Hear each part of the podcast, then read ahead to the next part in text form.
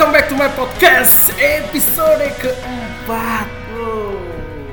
Terima kasih semua narasumber yang sudah mau ikut ambil bagian di setiap sesi yang saya berikan. Kali ini The Disilitonga Show kita akan membicarakan bagaimana seorang apa ya seorang gadis ya seorang gadis yang berjuang kuliah di negeri tirai bambu Cina. Dia ini namanya Nur Alfia Hasana kelahiran di Kalimantan Utara Kabupaten Nunukan Kecamatan Sebatik. Bayangin nggak? Sebatik itu sebelahan langsung dengan Malaysia. Ketika kalian kalau sudah pernah ke sana melihat situasinya hmm, pasti bakal mendidih darah nasionalisme kalian terhadap bangsa ini. Karena memang ya agak timpang antara Malaysia dan Indonesia. Kalau jalan ke Malaysia itu ya mulus halus gitu ya, nggak ada lubang-lubang. Kalau kita hmm, masih banyak harus dibenahi. Karena ya memang gitu keadaannya mau gimana ya Indonesia terdiri dari pulau-pulau nggak nggak bisa kita harus langsung jebret jadi gitu nggak semua harus butuh proses tapi kita tetap berdoa tetap berusaha yakin pada pemimpin negara ini untuk bisa memperhatikan negaranya untuk jauh lebih baik lagi. Kita akan tanya-tanya gimana dia bisa nyasar di Cina kenapa harus Cina? Kan pada awal banyak kampus-kampus berkening lainnya. Walaupun ya memang Cina sekarang menjadi negara yang wow super power ya. Kita bisa bilang super power hebat keren lah. Semuanya bisa ditiru nah kita akan tanya-tanya sebentar lagi kita akan menghubungi Nur Alfia Hasan. Halo Vivi Halo. setelah badai semalam kita batal mengudara. Akhirnya di pagi hari ini kalau pendengar kita mendengarkan di siang hari atau di malam hari ya monggo ya apa yang penting saya mau tahu-tahu tentang kamu yang banyak-banyak tentang gimana sih kamu Waduh. bisa kuliah di negeri Cina itu loh kenapa harus Cina kan gitu kan Padahal banyak yang lebih beken gitu kan Atau biar nggak jauh dengan uang kan Ada negara tetangga Malaysia kan gitu Vi Sebelumnya saya mau tanya dulu dalam bahasa Cina Ni hao ma 哦，我很好。 Wah Ni cai ga ni cai gan ma 你在干嘛？啊我在放松放松一下。 Ih, geri kali. Wo taruh nih lema ya. Mi ya taruh wo. Ah, jadi aku mau nanya Pi. Mm -mm, apa tuh? Semalam kan tertunda gara-gara badai kita itu kan. jadi mau nanya Pi. Bisa kan diceritain gimana sih awal mulanya kuliah di negeri tirai bambu sana tuh? Gimana coba? Um, jadi awal mulanya itu kan aku lulus SMA 2017 ya, Mas. Mm-mm. Nah waktu itu 2017 aku mau sebenarnya nggak kepikiran mau ke sana sih. Waktu itu aku mau daftar pramugari. Mm-mm. Terus setelah itu orang tuaku nggak ngizinin, katanya jarang pulang nanti. Oh, jarang pulang. Oke oke oke. Iya, Emang kalau tes pramugari langsung lulus juga gitu? ya bisa jadi. bisa, bisa jadi. Oke lanjut coba Vi. kan, dicoba dulu. Iya lanjut Vi lanjut. Nah setelah itu aku waktu itu disuruh di Jogja sih sama orang tuaku. Cuman akunya yang nggak mau lagi kan. Terus Oh, aku sebenarnya nih ikut jalur eh gimana nih, jalur ikut-ikutan ya? Jalur ikut ikut. Soalnya- Oke. Soalnya aku ke sana tuh ikut-ikut temenku iseng-iseng daftar. Terus taunya lulus. Oh nasibmu ya. Oke terus. Nasibku. Mm-mm. Terus Setelah setelah lulus. itu uh, seleksi berkas, ngumpul-ngumpul berkas, apa segala macam. Nah terus sambil itu aku tuh ke Banjarmasin dulu mas kemarin di LPMT. Oh, ngapain ngapain ngapain tuh? Itu aku belajar Mandarin sih, belajar bahasa Mandarin. Cuman masih yang dasar-dasar. Itu kurang lebih uh, mau hampir dua bulan kemarin di sana. Dua Setelah bulan itu ya. pas di sana dapat surat penerimaan yang dari kampus. Oke. Nah, habis itu ya aku ke Surabaya lagi. Ke Surabaya. Habis dari Banjarmasin ke Surabaya berarti nggak lagi balik langsung ke Kalimantan Utara? Enggak, aku di Surabaya sampai aku berangkat. Oh, orang tua nyusul atau ada yang nemenin? Nyusul, orang tua nyusul ke Surabaya kemarin. Oh, nyusul ke Surabaya terus? Di Surabaya itu ngurus visa, ngurus medical check up dan lain-lain, beli tiket. Setelah itu aku berangkat ke Nanjing itu September kemarin 2017. Oh, September 2017. Sekarang semester akhir. Semester akhir Nah. alhamdulillah. Terus di perjalanan kuliah itu gimana pada saat masuk pertama kali itu? Kan agak pasti ribet tuh penginapannya gimana juga itu nyarinya.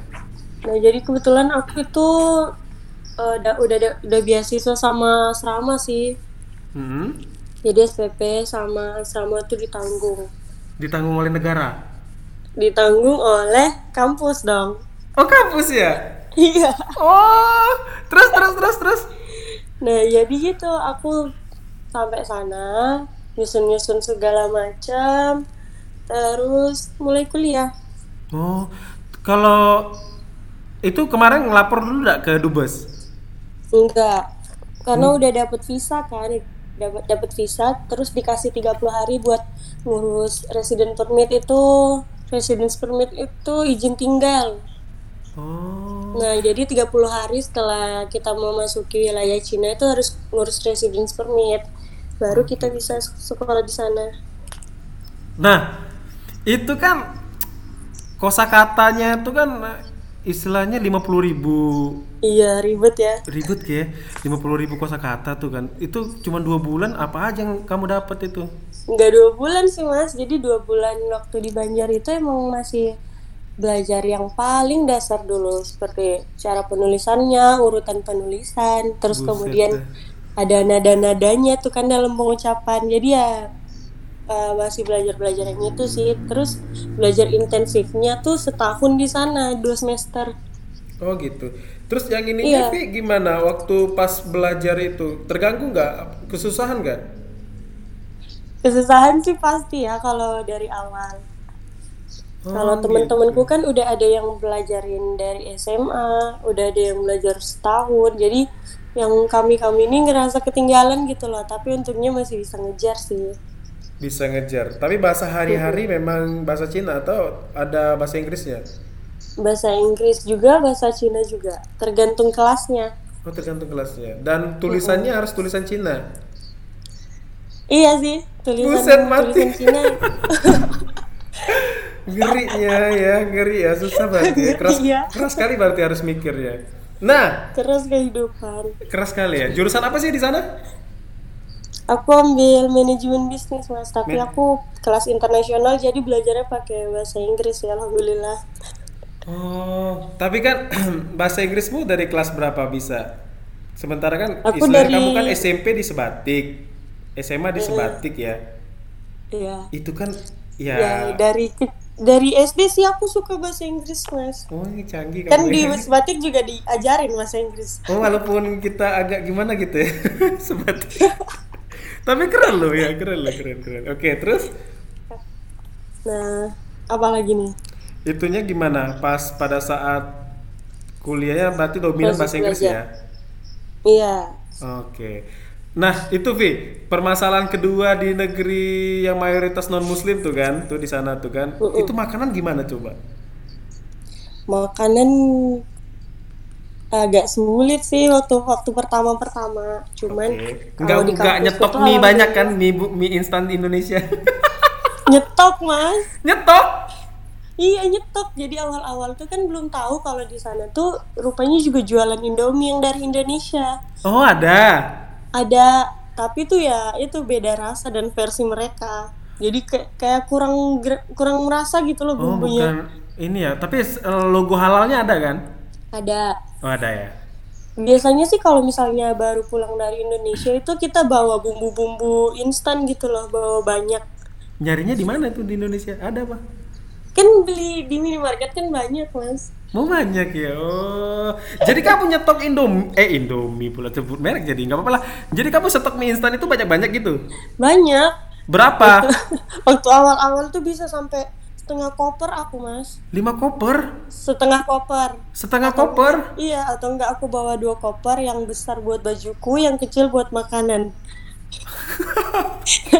Seniat itu emang. Wow, jadi kamu pada saat ini kan kuliah nih, kuliah di sana nih, kuliah di Iya. sana, belajar di sana, beradaptasi di sana. Terus ke Indonesianya setiap semester pulang atau di sana dulu baru selesai nanti niat baru pulang atau kamu sudah Kalau aku jadwalin? kemarin sih setiap libur pulang. Buset, itu kalau ongkos pulang kayak gitu siapa yang nanggung? Orang tua. Orang tua. Iya, tapi biasanya kan aku kan kemarin itu mm, sempat jadi asisten dosen. Wow, wow, wow, Jadi- wow, wow, wow. Jadi aku ada dikasih inilah ya tali asi kemarin. Nah, Oh, tali asih. Jadi boleh boleh lah bantu-bantu buat biaya pulang. Oh, bantu-bantu biaya pulang ya gitu ya. Mm-mm. Terus eh, pada saat itu pernah nangis nggak awal-awal? Ih, Apa sampai sekarang tetap terus. nangis ketika berhadapan dengan pelajaran? Ih, nangis terus di sana kan susah belajarnya mas. Kalau di sana tuh kan ini apa ya disiplinnya banget banget banget. Banget Telat. ya? Iya telat semenit aja tuh kita bisa nggak masuk kelas gitu loh. Nggak diperbolehin kalau kita kan ya sudahlah satu menit Iya, juga gua masih gitu ada kan. toleransi kan biasanya kalau Indonesia. Kalau di sana enggak mas, bener-bener keras, keras banget. Apalagi kalau belajar tuh. Oh, gitu Iya, pas. dan- Kamu kan berjilbab nih, Vi. Iya, Pada saat mereka melihat kamu rasis nggak sih atau gimana sih? Gitu. nggak rasis sih, lebih ke kayak heran gitu loh. Aku pernah ditanya Hmm. eh, waktu itu kan musim dingin, ketemu sama teman Cinaku. Katanya kenapa pakai kayak gitu? Kan aku belum ngerti juga ya jelasinnya gimana. Jadi aku cuman aku cuman bilang ini nggak boleh dilepas. Aku ngomong kayak gitu. Oh, udah. Terus tuh pas musim panas aku ketemu lagi, terus ditanya kenapa nggak dilepas aja panas kan topinya, kenapa nggak dilepas Topi. gitu? Udah sering banget kalau misalnya kayak naik kereta diliatin orang-orang, katanya kamu pakai apa? Kayak gitu. Tuh. Berarti mereka nggak kenal sama sekali apa itu Islam gitu ya? Iya, karena yang setahu aku di sana kan komunis ya mas, jadi mereka tuh lebih tertutup. Jadi kayak beberapa temanku tuh bahkan eh, beberapa teman dan dosenku bahkan tuh nggak punya agama. Eh buset, serius? Iya, serius, Oke. seru pokoknya. Oh, seru ya. ya tapi tetap ya adab Indonesia kamu bawa kan ke sana. Harus dong. Harus ya. Itu sih Vi, aku tuh penasaran ke sekarang semester akhir ya, lagi mau skripsi ya. Iya. Nah, Iya, kan Covid nih. Itu gimana jadinya? COVID. Nah, aku kan juga iya jadi besok nih eh, insya Allah tanggal 10 apa aku sidang skripsi tapi online juga sih Oh, online. soalnya kan nggak bisa ke sana Oh, gitu. Tapi Kemarin pas pada misalnya- saat wabah Covid merebak itu kamu udah masih di situ apa udah pulang? aku udah pulang sih untungnya tuh mas kan kemarin covid itu akhir Desember ya nah aku di Indonesia udah dari November Dari November ya. Heeh. Oh. Kamu itu aku di pulang duluan kemarin Oh, pulang duluan. di semesterannya di Indonesia sama di apa namanya di Cina itu Di sama nggak sih per enam bulan atau gimana sih? iya per enam bulan Dari September ke dari September hitungannya atau mereka dari Juni itu? dari September Dari September sama ya ke Indonesia ya? iya sama kayak di Indonesia Sama. Yang membedakan signifikan antara pendidikan Cina sama pendidikan Indonesia apa? Di bidang kuliah ya, Kedisiplinan. di bidang kudi- kuliahnya. Disiplinan waktunya sih Disiplin tapi waktu. aku kalau di sana sebenarnya aku masih bingung sih mas mereka tuh sistemnya ngitung pakai SKS juga nggak sih kayak di Indonesia tapi setauku enggak deh Kenapa kamu bisa bilang kayak gitu? Kenapa? Bedanya apa? karena aku nggak pernah tahu SKS di sana tuh berapa Ah serius?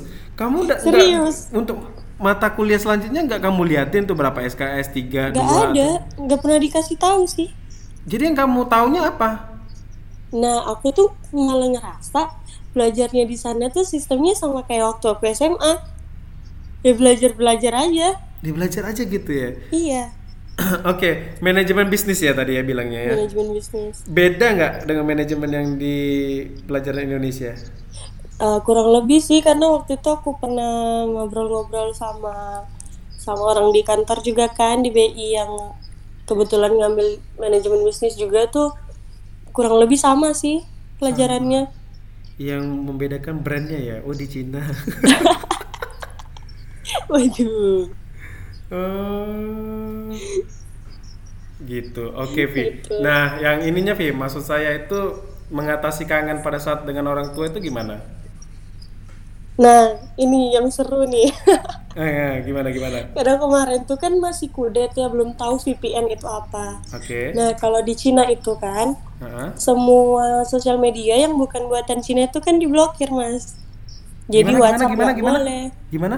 Uh, sos- sosial media yang bukan buatan Cina tuh diblokir. Oh, diblokir. Mm-mm. Oh. Jadi kita tuh butuh VPN kan buat buka. Oh, VPN ya? Mm-mm. Nah Ah. waktu itu waktu awal-awal belum tahu VPN itu apa dan belum ngerti downloadnya gimana, belum tahu pakainya gimana. Oke. Jadi tuh aku sempat dua bulanan gitu kayak sendat-sendat komunikasiku sama orang tua. Oh. Sampai sampai akhirnya aku suruh kan waktu itu di sana kan cuman boleh pakai WeChat. Oke, iya iya iya, betul betul WeChat. Heeh, cuman boleh pakai WeChat jadi aku suruh orang tua aku download WeChat Hmm. biar lancar terus. Seribet itu emang Seribet belum itu ya. lagi kalau misalnya VPN-nya kayak VPN yang gratisan tuh kan kadang putus-putus sendiri jaringannya ya. Oh. Jadi Gitu. mau Instagram, Facebook, WhatsApp, iya, semuanya semua. diblokir kalau di sana harus buka pakai VPN. Oh, kalau ndak pakai VPN cuma WeChat. Iya, cuman WeChat. Berarti Indonesia harus download WeChat. iya, di Indonesia download WeChat kemarin. Tapi se- selama di sana nggak berasa terganggu karena apa ya, apa ya? tingkat kriminalitasnya sesama kalau- mahasiswa nggak ada ya gitu ya? Mereka tertib ada karena sih. untuk belajar aja gitu. Iya, alhamdulillahnya sih. Karena kalau di kampusku juga aman-aman aja sih. Oh gitu, ya. Mm-mm. Wow, wow, wow, luar biasa, luar biasa tergambar ya betapa, betapa susahnya kuliah di sana ya. Terus ini Vi, gimana waktu pada saat mau selesai, Ya. mau pulang terakhir ini, yang kamu rasakan sudah lengkap belum bahasanya? Belum mas, masih kurang banyak sih. Aku mau belajar-belajar lagi sih. Masih kurang banyak ya. Iya, Jadi kalau aku kan misalnya rencananya kamu di provinsi mana? Di provinsi mana? Jiangsu. Jiangsu. Misalnya Jiangsu ke Beijing itu beda lagi bahasanya. Eh, bukan beda bahasa, cuman beda aksen sih, beda dialek. Oh iya, beda dialek Mm-mm. ya. Kalau kayak kita kan mau dari Sabang sampai Merauke kalau ketemu bahasa Indonesia satu gitu, tapi Iya. gitu. Luar Beda biasa, Vi. sih. Terus kalau nanti sudah selesai nih kuliah, selesai sidangnya segala macam. Iya. Selesai selesai segala macam itu balik lagi ke Cina atau nyari kerja di Indonesia? Aku rencananya balik lagi sih. Kemarin aku daftar lagi buat lanjut S1 ku. Aku kan baru D3. Oh, ada tiga nih. Iya, Oh, aku planning buat lanjut S1 lagi di sana. Kalau lanjut S1 berarti dia nambah berapa tahun? Dua. Eh, dua tahun. Oh gitu. Iya. Dan nanti bakal gimana ke depannya? Bakal stay di sana atau bakal ah, balik ke Indonesia aja berbakti pada negara nih? Em, kalau bisa sih pulang ya mas. Pulang ya. Mm-mm. Tetap Indonesia lebih baik Tetap Indomie itu paling di hati. ya. Indomie. oh gitu kocak loh ya. Ah, seorang Vivi ternyata masih tetap Indonesia. di Iya, Indonesia balik lagi nanti ke depannya bakal stay untuk di sekitaran Kalimantan Utara atau merantau lagi? Kemarin itu aku rencananya keluar sih, mungkin di Surabaya atau di atau enggak di Jakarta. Apa mau di mana? Translator atau konsultan atau Kalau misalnya masih fresh graduate kan katanya harus coba aja semua dulu kan, baru tahu yang cocok yang mana. Tapi cobanya yang mana nih? Sisi mana dulu nih mau dicoba? Yang mungkin masuk di ini aku, aku eh, di antara semua pelajaran tuh aku paling minat di ini apa namanya kemarin? Eh, risk management, manajemen risiko. Manajemen risiko, oke. Iya. Vi, Ya, bocoran Mas. nih. Misalnya hidup di Cina nih, Mm-mm. tanpa mie instan. Normal lah, normal, normalnya di sana tuh. Sehari berapa sih habis rupiah? Kalau di rupiah sehari berapa? Habis itu tergantung sih boros-borosannya orang gimana Hmm, kan. normal lah normal normal. Makan pagi siang malam. Kalau Makan keluar ke pagi, kampus naik kendaraan atau transportasi gitu berapa deh? Kalau misalnya cuman makan mungkin 30 atau 35 udah tiga kali makan itu bisa dapet sih. 30 35 tuh maksudnya apa tuh? 30 30 atau 35 ribu untuk tiga kali makan tuh udah dapet sih tiga kali makan? Iya pagi siang sore. Eh pagi siang malam. Pagi siang sore. Pagi siang malam. Transportasi? Transportasi karena biasanya di sana kalau misalnya nggak punya kendaraan pakai MRT oh MRT berapa rupiah MRT tuh itu tergantung jarak juga sih per 2 km eh per 2 km atau per 10 km tuh cuman 4000 hitungannya. Rupiah iya 4000 rupiah berarti agak bisa ini ya berarti istilahnya kalaupun hanya kuliah aja tanpa keluar ke mana-mana berarti sekitar 50.000 ribu ya iya Oh murah ya, masih masih oke lah di untuk ukuran kantong mahasiswa di sana. Kos Iya. kalau misalnya nggak ada asrama tuh, kalau ngekos di situ gimana? Ka- kalau di Cina sih yang setahu aku kalau misalnya kuliah wajib tinggal di asrama mas Oh wajib tinggal di asrama ya? Iya wajib. Eh, tapi kalau misalnya Sabtu atau Minggu atau misalnya lagi nggak ada kelas tuh bisa pulang eh bisa pulang ke rumah orang tua. Oh bisa pulang ke kalau ada orang tua. Iya kalau ada orang tua Di situ ketat asramanya. ketat banget. Masuk aja itu kalau nggak pakai ini apa namanya gerbangnya tuh dideteksi pakai muka kita. Buset. Jadi iya jadi orang orang yang bukan dari kampus tuh nggak bisa masuk. Oh gitu. Ketat-ketat banget. Ketat banget. CCTV tuh di mana-mana sih. CCTV di mana-mana. Berarti tapi asrama putra putri beda ya? Kalau kalau asramanya orang Cina iya sih putra putri dipisah, tapi kalau mahasiswa internasional tuh eh, mahasiswa eh mahasiswanya asramanya sama, cuman lantainya beda. Lantai oh sama tapi lantai. Jadi kalau asrama aku tuh kan ada enam lantai mas. Oke. Nah lantai 1 sampai 4 isinya cowok, kalau 5 6 isinya cewek. Kenapa harus cewek yang tinggi-tinggi atau cewek itu yang di bawah? Nah iya betul, capek. Lift atau tangga? Tangga masih Mampus. mampus bener. oh.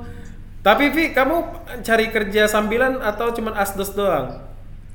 Em, aku kemarin masih asdos sih, cuman temanku banyak yang kerja. Motor Tapi di sana katanya kalau mau kerja tuh harus diem-diem, apalagi kalau kita pelajar kan.